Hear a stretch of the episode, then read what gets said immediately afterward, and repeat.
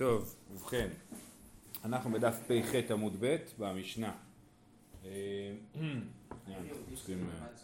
אז אנחנו, כמו שאמרנו בדף פ"ח עמוד ב', בפרשה של אה, נדרים, כתוב גם נדר אלמנה וגרושה, כתוב, הוא נדר אלמנה וגרושה, כל אשר אסרה על נפשה יקום עליה. אה, אז, אז לכאורה זה פסוק מיותר, כי לפי כל מה שראינו, ברור שאלמנה וגרושה, אף אחד לא יכול להפר לה את הנדר, היא לא נשואה. וברגע שהיא התחתנה גם היא יצאה מתחת יד אביה, אז, אז אין פה שום חידוש בנדר אלמנה או גרושה. לכן צריך להגיד שיש פה כן איזה משהו אה, חידוש. אומרת המשנה, או נדר אלמנה או גרושה יקום עליה, כיצד? אמרה הריני נזירה לאחר שלושים יום, אף על פי שנישאת בתוך שלושים יום, אינו יכול להפר. כן, אז היא נדרה אה, אה, נזירה, ואז היא התחתנה, היא נדרה שהיא תהיה נזירה בעוד שלושים יום. ובתוך השלושים יום האלה התחתנה, בעלה לא יכול להפר לה את הנדר, כן? כי כשהיא נדרה את זה היא הייתה משוחררת והיה לה זכות מלאה לנדור, אז, אז בעצם אה, אה, יוצא שאנחנו הולכים אחרי הזמן של הנדר ולא הזמן שבו הנדר חל, אלא הזמן של יצירת הנדר. וגם הוא לא שמע את זה, אז, זה לא קשור. כן, היית יכול לחשוב שברגע שהוא יתחתן איתה הוא ישמע ויפר, אז אנחנו אומרים שלא. אה, אה, או שהוא יכול להפר את זה ביום שהיא מתחילה את הנדר נגיד, גם לא. אמ, נדרה והיא ברשות הבעל, מפר לה. כיצד? אמרה הרי אני נזירה לאחר שלושים, אף על פי שנתאלמנה או נתגרשה בתוך שלושים, הרי זה מופר. זאת אומרת, אם היא נדרה אה, שהיא אה, תהיה נזירה בעוד שלושים יום, והיא נשואה, ואז בעלה שמע והפר לה את הנדר ומת, כן? אז אנחנו לא אומרים בגלל שהבעל מת כבר, אז ההפרה שלו לא נחשבת, כי הוא כבר לא בסיפור, או שהתגרשו, אלא בגלל שהוא, זאת אומרת הולכים לשני הצדדים אחרי זמן יצירת הנדר ולא אחרי זמן חלות הנדר. גם אם יש פער בין יצירת הנדר לחלות הנדר, הולכים אחרי היצירה. אמ, נדרה בו ביום ונתגרשה בו ביום, החזירה בו ביום, אינו יכול להפר, זה הכלל כל שיצאה לרשות עצמה שעה אחת, אינו יכול להפר. אז אם היא נדרה והתגרשה והחזירה, הוא לא יכול להפר את זה. למרות שזה הכל באותו יום, כן? אז הוא עדיין בתוך 24 שעות, אז לכאורה היינו חושבים שהוא יכול להפר, אז לא. למה? בגלל שהוא יצאה לרשות עצמה שעה אחת. כן? ברגע שהיא הייתה שעה אחת ברשות עצמה, זאת אומרת גרושה, שעה אחת היא הייתה גרושה והיא לא יכלה, ואז הוא לא היה יכול להפר לה, אז ממילא הוא איבד את היכולת להפר לה את הנדר. טניה, אלמנה או גרושה שאמרה, הרי אני נזירה לכשהינשא ונישאת, רבי ישמעאל אומר יפר ורבי עקיבא אומר לא יפר. כן, אז היא הייתה אה, אישה אלמנה או גרושה, גם דרך אגב, אישה בוגרת, סתם בוגרת פנויה, היא גם יש לה גדר כאילו של אלמנה או גרושה במובן הזה שאף אחד לא יכול להפר את נדרה, כן? אז אלמנה או גרושה שנדרה, והיא אמרה מהי נדרה? שאני אהיה נזירה לכשאנסה, כשאני אתחתן אני אהיה נזירה, כן? ונישאת, יש לי חבר שהתחתן עם מישהי בקפה אלול והיה לה מנהג תענית דיבור בראש השנה. שאני מנהג תענית דיבור בראש השנה. אז ככה בתוך השבע ברכות שלהם הייתה בתענית דיבור.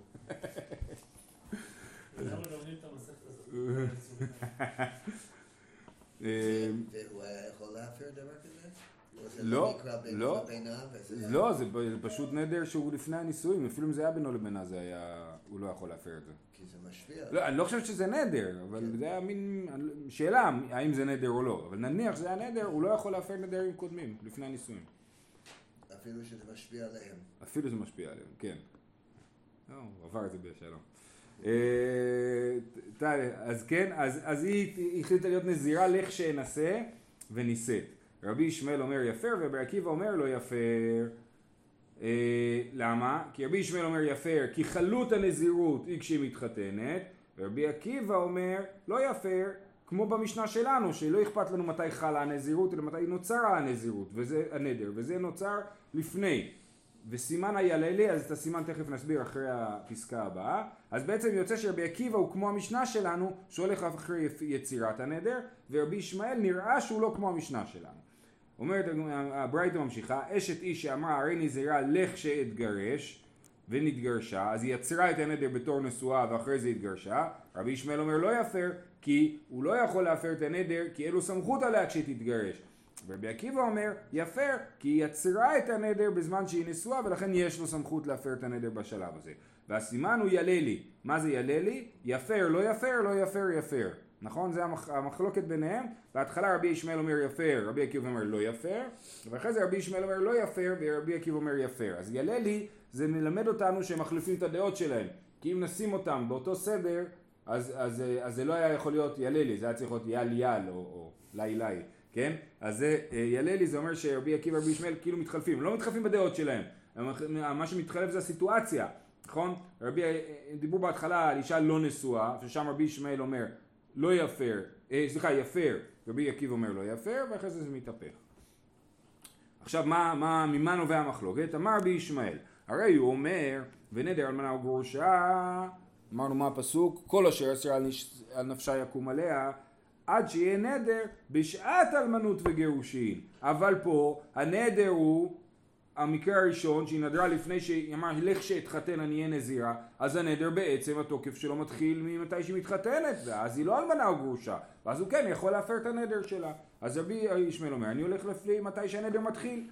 רבי עקיבא סבר הרי הוא אומר שוב בפסוק כל אשר אסרה על נפשה יקום עליה עד שיהיה איסורי נדר בשעת אלמנות וגירושין כן? נדר אלמנה וגרושה כל אשר אסרה על נפשה מתי היא אסרה על נפשה בזמן שהיא נדרה את הנדר, לא בזמן שהנדר חל. אסרה על נפשה זה, זה אמירת הנדר, ולכן הולכים אחרי שעת אמ- אמירת הנדר.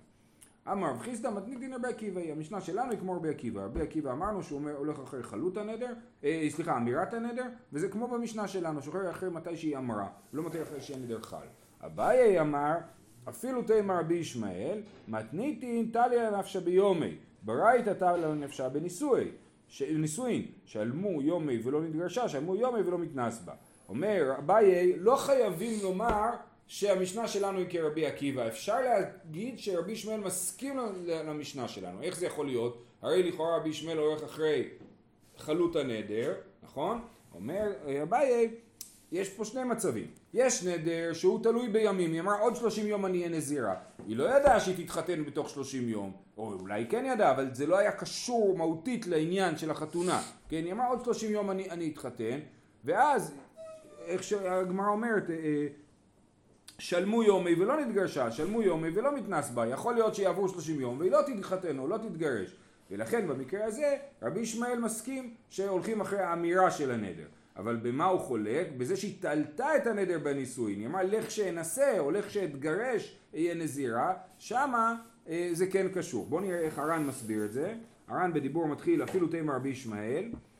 דכי יזיר רבי ישמעאל בתר חלות הנדר, הני מילי קיטליה נפשה בנישואין ובגירושין. ילקח, כיוון שאפשר לאמירת הנדר וחלות הנדר שיהיו ברשות אחד, אי אפשר, כן?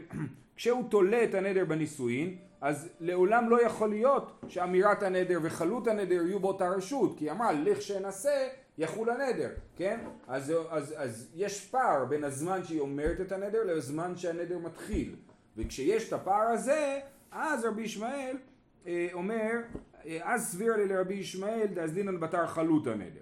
אבל מתניתין דלוטליה נפשה אלא ביומי, בשלושים יום, ואפשר דשלמו יומי ולא מנס בשלמו יום ולא מגרשה, ונמצא שתהיה אמירת הנדר בחלוטו ברשות אחד, אפילו כשנשתנה הרשות שנישאת או נתגרשה, מודה רבי ישמעאל דבתר אמירה זלינן ולא בתר חלוט, כיוון שבתחילתו היה ראוי הנדר לחול באותו רשות שהיה בשעת אמירה, כן? כי הנדר התחיל, היה, הוא היה יכול להיות באותו רשות, ואז אנחנו הולכים אחרי האמירה, אבל כשזה מהותית הנדר לא יכול להיות באותו רשות, זאת אומרת כי היא אמרה, תלתה את זה בנישואין, אז אומר רבי ישמעאל הולכים אחרי חלוט. זאת אומרת רבי ישמעאל אומר הולכים אחרי חלוט כאשר מלכתחילה הנר נעשה באופן כזה שהחלוט, שהרשות תשתנה. בסדר? זה התירוץ של הבאי להגיד שהמשנה שלנו יכולה להיות גם כרבי עקיבא. אה, הלאה, החלק הבא של המשנה אמרנו נדרה בו ביום ונתגרשה בו ביום החזירה בו ביום אינו יכול להפר זה הכלל כל שיצא לרשות עצמה שעה אחת אינו יכול להפר עכשיו זה הכלל, יש לנו כלל שתמיד בא לרבות, כן? אתה בא אומר מקרה ואז אומר כלל אז הכלל חייב להגיד משהו יותר רחב מהמקרה. עכשיו, דבר מאוד דומה היה לנו בפרק הקודם, בדף ע"א, המשנה אמרה, אה, אה, נדרה והיא ארוסה, נתגרשה בו ביום ונתארסה בו ביום אפילו למאה, אביה ובעלה האחרון מפירים נדריה. אז אנחנו, אצלנו דיברנו על אישה שהייתה נשואה והתגרשה וחזרה לבעלה, אז בעלה לא יכול להפר את נדריה, זה הכלל, כל שיצאה לרשות עצמה שעה אחת אינו יכול להפר, ופה, כיוון שהייתה ארוסה, וכשהיא ארוסה, אז כשהיא מתגרשת היא חוזרת לאביה, כשהיא נשואה והיא מתגרשת היא הופכת להיות ברשות עצמה. יש גירושין בארוסה? כן, כן, ב- לא אירוסין שלנו, באירוסין של מה שנקרא קידושין בלשון המשנה, כן? אז היא ארוסה שהיא, אה, אה, התגרשה, היא חוזרת לבית אביה. כיוון שהיא חוזרת לבית אביה היא עדיין לא ברשות עצמה, ולכן אביה ובעלה האחרון מפירים את נדריה. וכתוב פה, זה הכלל, כל שלא יצא לרשות עצמה שעה אחת, כל, כן, כל עוד היא לא יצאה לרשות עצמה, אביה ובעלה האחרון מפירים נדריה. אז פה יש כלל של זה הכלל כל שלא יצא לרשות עצמה שעה אחת, ופה יש זה הכלל כל שיצא לרשות עצמה שעה אחת, אוקיי? אז מה הגמרא משווה בין הדברים? ואומרת ככה, זה הכלל דקתני גבי נערה המורסה בפרק הקודם, להטויי הלך האב עם שלוחי הבעל, או שהלכו שלוחי האב עם שלוחי הבעל. בנערה המורסה דאביה ובעלה מפירים נדריה. אה, אה, כן, אז ככה, יש לנו אה, מה שנקרא הלך האב עם שלוחי הבעל. הבעל שלח שליח שיאסוף לו את האישה, כן? שיאסוף את ה... שיביא את, את האישה לביתו. אז אה, אה, בא השליח, מביא את האישה. עכשיו לכאורה, ברגע שהשליח לקח את האישה והיא מתחילה ללכת עם השליח לבית בעלה, אז שם לכאורה כבר נחתך הקשר עם האבא. כי זהו, הוא נפרד, הוא אמר שלום, ועכשיו היא כבר ברשות, ה... ברשות הבעל. למרות שהיא לא הגיעה ליד הבעל, היא עדיין ברשות הבעל כי הוא בשליח. אבל האב הולך איתנו. בדיוק. אז זה הכלל, כל שלא יצא מרשות אביה שעה אחת, זה בא לרבות אפילו אם הבעל הולך עם. האבא אומר חבל מה אני לא רוצה להיפרד מהבת שלי ככה, אלא הוא ממשיך ללכת עם השליח, כן? אז אביה עדיין יכול להפר את נדריה כי הוא לא חתך את הקשר. אם הוא היה חותך, אז היא הייתה בעצם, בעצם זה היה נחשב שהיא יצאה לרשות עצמה. כנראה, כי היא עדיין לא לגמרי ברשות בעלה, היא לא נשואה, והיא גם לא, כבר לא ברשות אביה, אז היה לנו רשות עצמה. אבל כשאביה ממשיך ללכת איתם, אז זה נחשב שהיא לא יצאה מרשות אביה, וזה המקרה שבא הכלל לרבות, כן? נקרא את זה עוד פעם. זה הכלל על דקתני גבי נערה מורסה, לעיתוי הלך האב עם שלוחי הבעל, או שהלכו אה, שלוחי האב עם שלוחי הבעל, בנערה מורסה דאביה ובעלה מפירים נדריה. עדיין. זה הכלל דקתני גבי ואלו נדרים, אצלנו במשנה שלנו, להטויי מסר האב לשלוחי הבעל, או שמסרו שלוחי האב לשלוחי הבעל, שאין הבעל מפר בקודמין, כן? אם היא, אה, אה, בעלה, אביה באמת נפרד ממנה, והיא הלכה עם שלוחי הבעל, אז הבעל לא יכול עדיין להפר את הנדרים, ונגיד שהיא תדור בזמן הזה, בין שאביה נפרד ממנה לבין שבעלה התחתן איתה, הבעל לא יוכל להפר את הנדרים שהיא נדרה בזמן הזה, כי יש לנו כלל שאין הבעל מפר בקודמים. אין הבעל מפר בקודמים זה אפילו הנדרים שהיא עשתה כשהיא מאורסת. אה, אה, אז זה, זה מה שבא, זה הכלל כאן לרבות. בסדר? זה העניין הזה. הלאה. תשע נערות, נדריהן קיימים. עכשיו זה נשמע מסובך, אבל זה מאוד פשוט. פשוט זה אה, כתוב בירושלמי שהמשנה הזאת נכתבה באופן מסובך כדי לחדד את התלמידים, אוקיי? אז זה אה, ככה, תשע נערות, נדריהן קיימים. דווקא? כי, כי באמת, כי את המשנה הזאת תכף נראה שאפשר להגיד אותה באופן מאוד פשוט.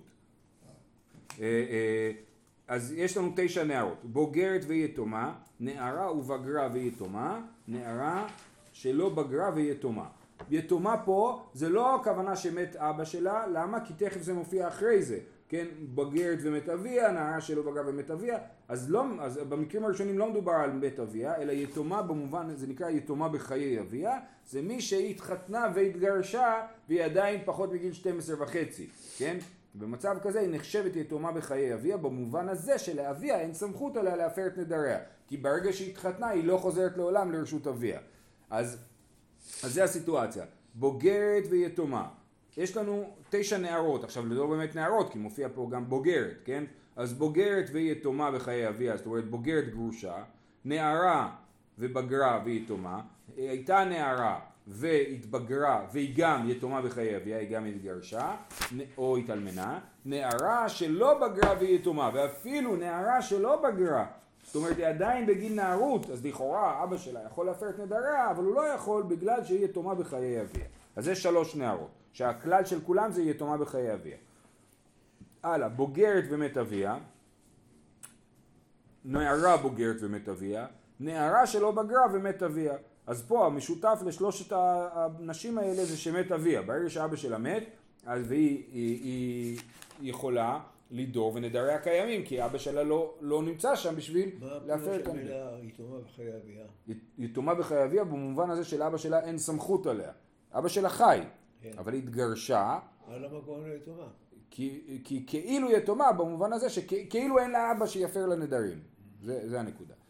אמ, אז בוגרת ומת אביה, נערה בוגרת, זאת אומרת היא הייתה נערה והתבגרה ומת אביה, או נערה, אפילו נערה סתם שלא מת, שלא בגרה ועדיין מת אביה, אז גם אביה לא, אין, אין מי שיפר את נדריה ונדריה קיימים. אז שלושת המקרים האלה זה מקרים שמת אביה. שלושת המקרים האחרונים זה מקרים של בוגרת.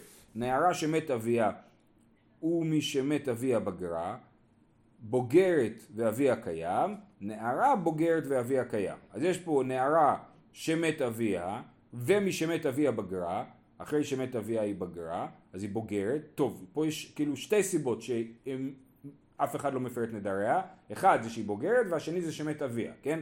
אבל אפילו אם אביה קיים, בוגרת ואביה קיים, גם כן. אביה לא מפר את נדריה וכל נדריה קיימים, אם היא לא נשואה. וגם נערה בוגרת ואביה קיים, זאת אומרת היא הייתה נערה והתבגרה ואביה קיים, בכל זאת ברגע שהיא בוגרת אה, אז אף אחד לא מפר את נדריה, אז זה תשע. עכשיו אפשר היה לסכם את זה בשלוש, איך היה אפשר לסכם את זה בשלוש? להגיד יתומה בחיי אביה, בוגרת, ומיתום, ויתומה באמת, כאילו שאבא שלה מת, כל הדברים האלה אה, אין אף אחד שיפר את נדריה, אבל במקום שלוש הפכו את זה לתשע ולכן אמרו שזה לחדד את התלמידים. אולי הם חשבו שמישהו יחשוב שהמקרה הזה... כן, אבל זה משונה, כי המקרה הזה הוא כאילו עוד יותר. זאת אומרת, יש לך מקרה של נגיד אה, בוגרת, אף אחד לא מפר את נדריה, ואז אומרים לך עוד מקרה, בוגרת שמת אביה. הרי בוגרת שמת אביה יש שתי סיבות שאף אחד לא מפר את נדריה, כן? אז, אז, אז, אה, אז זה לא חידוש כאילו. אה, רבי יהודה אומר, אף המשיא בתו הקטנה ונתאלמנה או נתגרשה וחזרה אצלו עדיין היא נערה. זאת אומרת, אפילו אם הנישואים והגירושין היו כשהיא הייתה קטנה, היא לא חוזרת לבית אביה, היא יתומה בחיי אביה, כן? לא, זה לא דווקא שאנחנו אומרים אם היא נתגרשה כשהיא נערה, אביה לא יכול להפר את נדריה, אלא אפילו אם היא נתגרשה כשהיא קטנה, אביה לא יכול להפר את נדריה. אמר רב יהודה אמר רב, זו דברי רבי יהודה. אבל חכמים אומרים, שלוש נערות נדריהן קיימים, בוגרת ויתומה ויתומה בחיי האב. כן, כמו שאמרנו, אפשר להגיד את זה באופן פשוט, ואמרתי, הירושלמי אומר שרבי יהודה אמר את זה בשביל לחדד את התלמידים. וגם אומרים פה עוד דבר, שכל המשנה היא של רבי יהודה, למרות שכתוב בסוף המשנה רבי יהודה אומר, בעצם כל המשנה רבי יהודה אמר אותה. אה, זהו, זה העניין של תשע נערות. משנה הבאה, קונם שאיני נהנה לאבא ולאביך, אם עושה אני על פיך. שוב, זה, יש פה בעיות של הלשון, הר"ן גורס פה, קונם שאיני נהנית, או שאני נהנית, כן? מדובר על האישה, האישה אומרת קונם שאני נהנית לאבא ולאביך, אם עושה אני על פיך. עכשיו, היא יכולה לדור, אני לא נהנית מאבא שלך. לכאורה זה נדר שהוא יכול, אה, אה, האם הוא יכול להפר אותו או לא? לכאורה הוא לא יכול להפר אותו. אם אתם זוכרים, ראינו את הנדר על החנווני. כן? היא אמרה אני לא מוכנה ליהנות מהחנווני הזה, אז אם הבעל לא חייב לקנות דווקא אצל החנווני הזה כי הוא היחיד שעושה לו הקפה, אז הנדר הזה הוא לא, לא נחשב לנדר עינוי נפש והוא לא יכול להפר אותם. כן? אז אותו דבר, היא אומרת אני לא נהנית מאבא שלי או מאבא שלך, לא יודע, נגיד היא רבה עם המשפחה שלה, היא אומרת אני נודרת לא נהנות מהמשפחה שלי, הבעל לא יכול להפר את זה. אבל פה מה היא עשתה? היא עשתה תנאי. ומה התנאי אומר? אם עושה אני על פיך. אם אני עושה על פיך, זאת אומרת מעשה ידיי, אם אתה תקבל את מעשה ידיי, אז התוצאה של זה תהיה שאני לא נהנית מאבא ומאביך. עכשיו, פה זו שאלה, אם הוא יכול להפר את הנדר או לא. כי מצד אחד, התנאי הוא תנאי של בינו לבינה, כן? אבל התוצאה, הנדר, לא מפריע לנו, כאילו, כן? כאילו, זאת אומרת, זה לא נדר של בינו לבינה ולא נדר של עינוי נפש, אז האם הוא יכול להפר דבר כזה, אוקיי?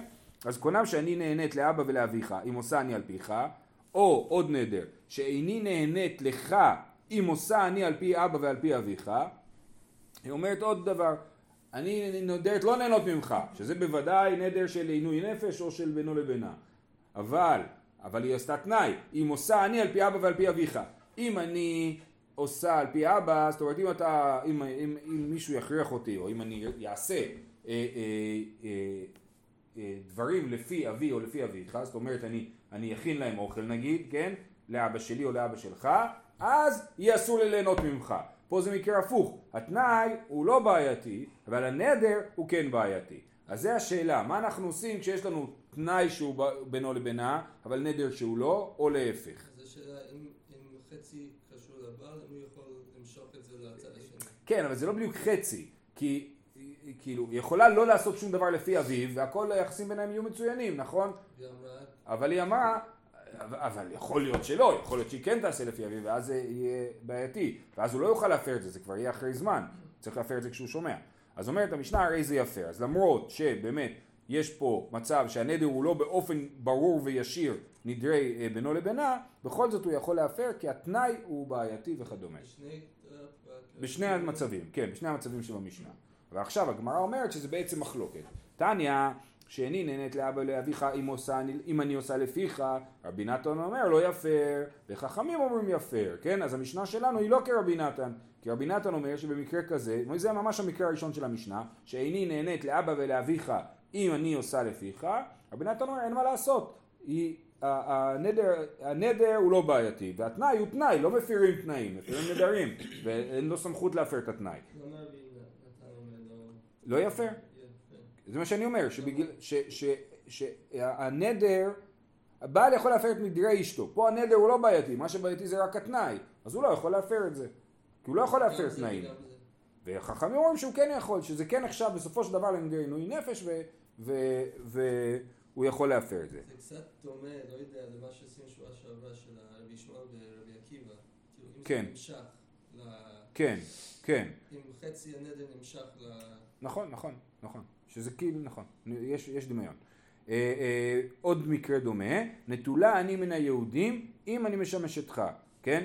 אז, אז אם היא נטולה מן היהודים, אז היא, זה לכאורה לא חל בינו לבינה, כן? ולכן הוא יגיד מה אכפת לי, אבל היא אומרת אם אני משמש אותך, זאת אומרת אם אני משמשת איתך, אז אני תהיה נטול, נטולה מן היהודים, אז, אז שוב התנאי הוא בעייתי, אבל הנדר הוא, הוא לא בעייתי. ובזה שוב פעם אומרת, אה, אומרת אה, אה, רבי נתן אומר לא יפר וחכמים אומרים היהודים? נטולה מן היהודים אני אהיה אסורה על כל היהודים. בעיקרון בפשטות הכוונה היא בתשמיש, כן? והכוונה היא ש... תתגרש. האם תתגרש או תתאלמן, כן. עכשיו יש לנו סיפור נחמד ובזה אנחנו נסיים. ההוא גברא דאיצר ענייתה דעלמא עלי, אינה סבעיתתה כי לא תנינא הלכתה. היה יהודי, באמת יהודי מתוק, הוא אמר, אני לא אתחתן אם אני לא אלמד תורה קודם, צריך לדעת ללמוד תורה לפני שאני מתחתן. אז הוא אמר, אה, אה, אסר את הנאת העולם עליו, כל הנאה אסורה עלי, עליי אם אני אתחתן לפני שאני אה, אה, לומד הלכה, שונה הלכה. רייט בגפה וטוב לי ולא אימצי למיתנה. אז מה זה בדיוק המשמעות של המילים האלה זה לא ברור, אבל הכוונה הלא מילולית היא שהוא מאוד מאוד התאמץ ללמוד ולא הצליח ראש ברזל כאילו, כן? לא מצליח ללמוד, שום דבר לא נכנס. ולא ימצא למיתני, ומסכן, הוא לא יכול להתחתן, הוא לא יכול ללמוד תורה, תקוע. עתה רב אחא בר- בר רב הונא ושבשי ואין ציוויתתא. רב אחא בר רב הונא שיבש אותו, עבד עליו, הצליח לחתן אותו, אמר לו לא, תחתן עכשיו, זה לא יחול אחר, אה, כל מסכת נדרים בלבל אותו, וחיתן אותו עכשיו. ועכשיו הוא אה, עבר על הנדר שלו, הוא לא, לא עבר, סליחה, הוא עבר לתנאי שלו, עכשיו הוא לא יכול ליהנות מהעולם, נכון? ואז שרקי תינא ואתי לקמא דרב חיסדא. אז יש פה כמה פירושים, הר"ן מסביר שהוא לכלך אותו בטיט, עכשיו הוא צריך ליהנות מהעולם, לנקות את הבגדים שלו, לנקות את הפנים שלו, הוא תקוע, הוא מטיט על הפרצוף, כן? אה, והביא אותו לפני רב חיסדא. אמר רבא, מנחכים למעוות, כעם- ואז רב חיסדא היה חייב כאילו להתיר אותו.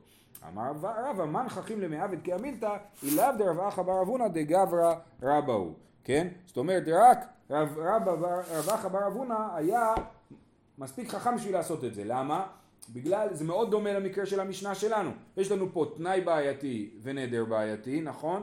ואנחנו, ובעצם מה שהר"ן מסביר פה זה שרב אחא בר אבונה עשה את זה בשביל לצאת מהמחלוקת של רבי נתן וחכמים. לפי רבי נתן, אה, אה, דקסבר כי איכי פליגי דרבנן ורבי נתן בהפרה, הכי נמי פליגי בשאלה. כמו שרבי נתן ורבנן חולקים בהפרה שהבעל מפר לאשתו תנאים בעייתיים, האם הוא יכול להפר או לא, ככה גם כשהולכים לרב להישאל על הנדר, אז לפי רבי נתן, אם התנאי הוא בעייתי, אי אפשר להישאל על הנדר. רק אם הנדר הוא בעייתי, אפשר להישאל על הנדר. ואם הנדר לא חל עדיין, לפי רבי נתן, אי אפשר להישאל עליו.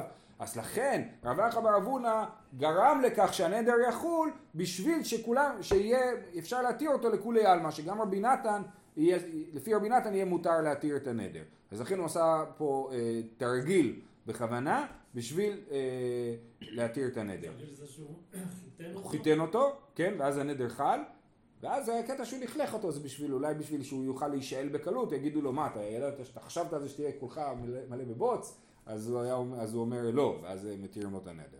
ולמה זה היה מספיק לפי חכמים? לפי חכמים זה היה אפשר להתיר קודם, כן, אבל כאילו הוא הוציא, לפוקי נפשי מפלוגתא, הוציא את נפשו ממחלוקת, אה, בשביל זה הוא עשה את זה. אפילו שפוסקים כאחד. לכאורה, כן, כן. זהו, אנחנו נמשיך מחר עם העניין הזה. שיהיה לכולם שבוע מקסים, להתראות.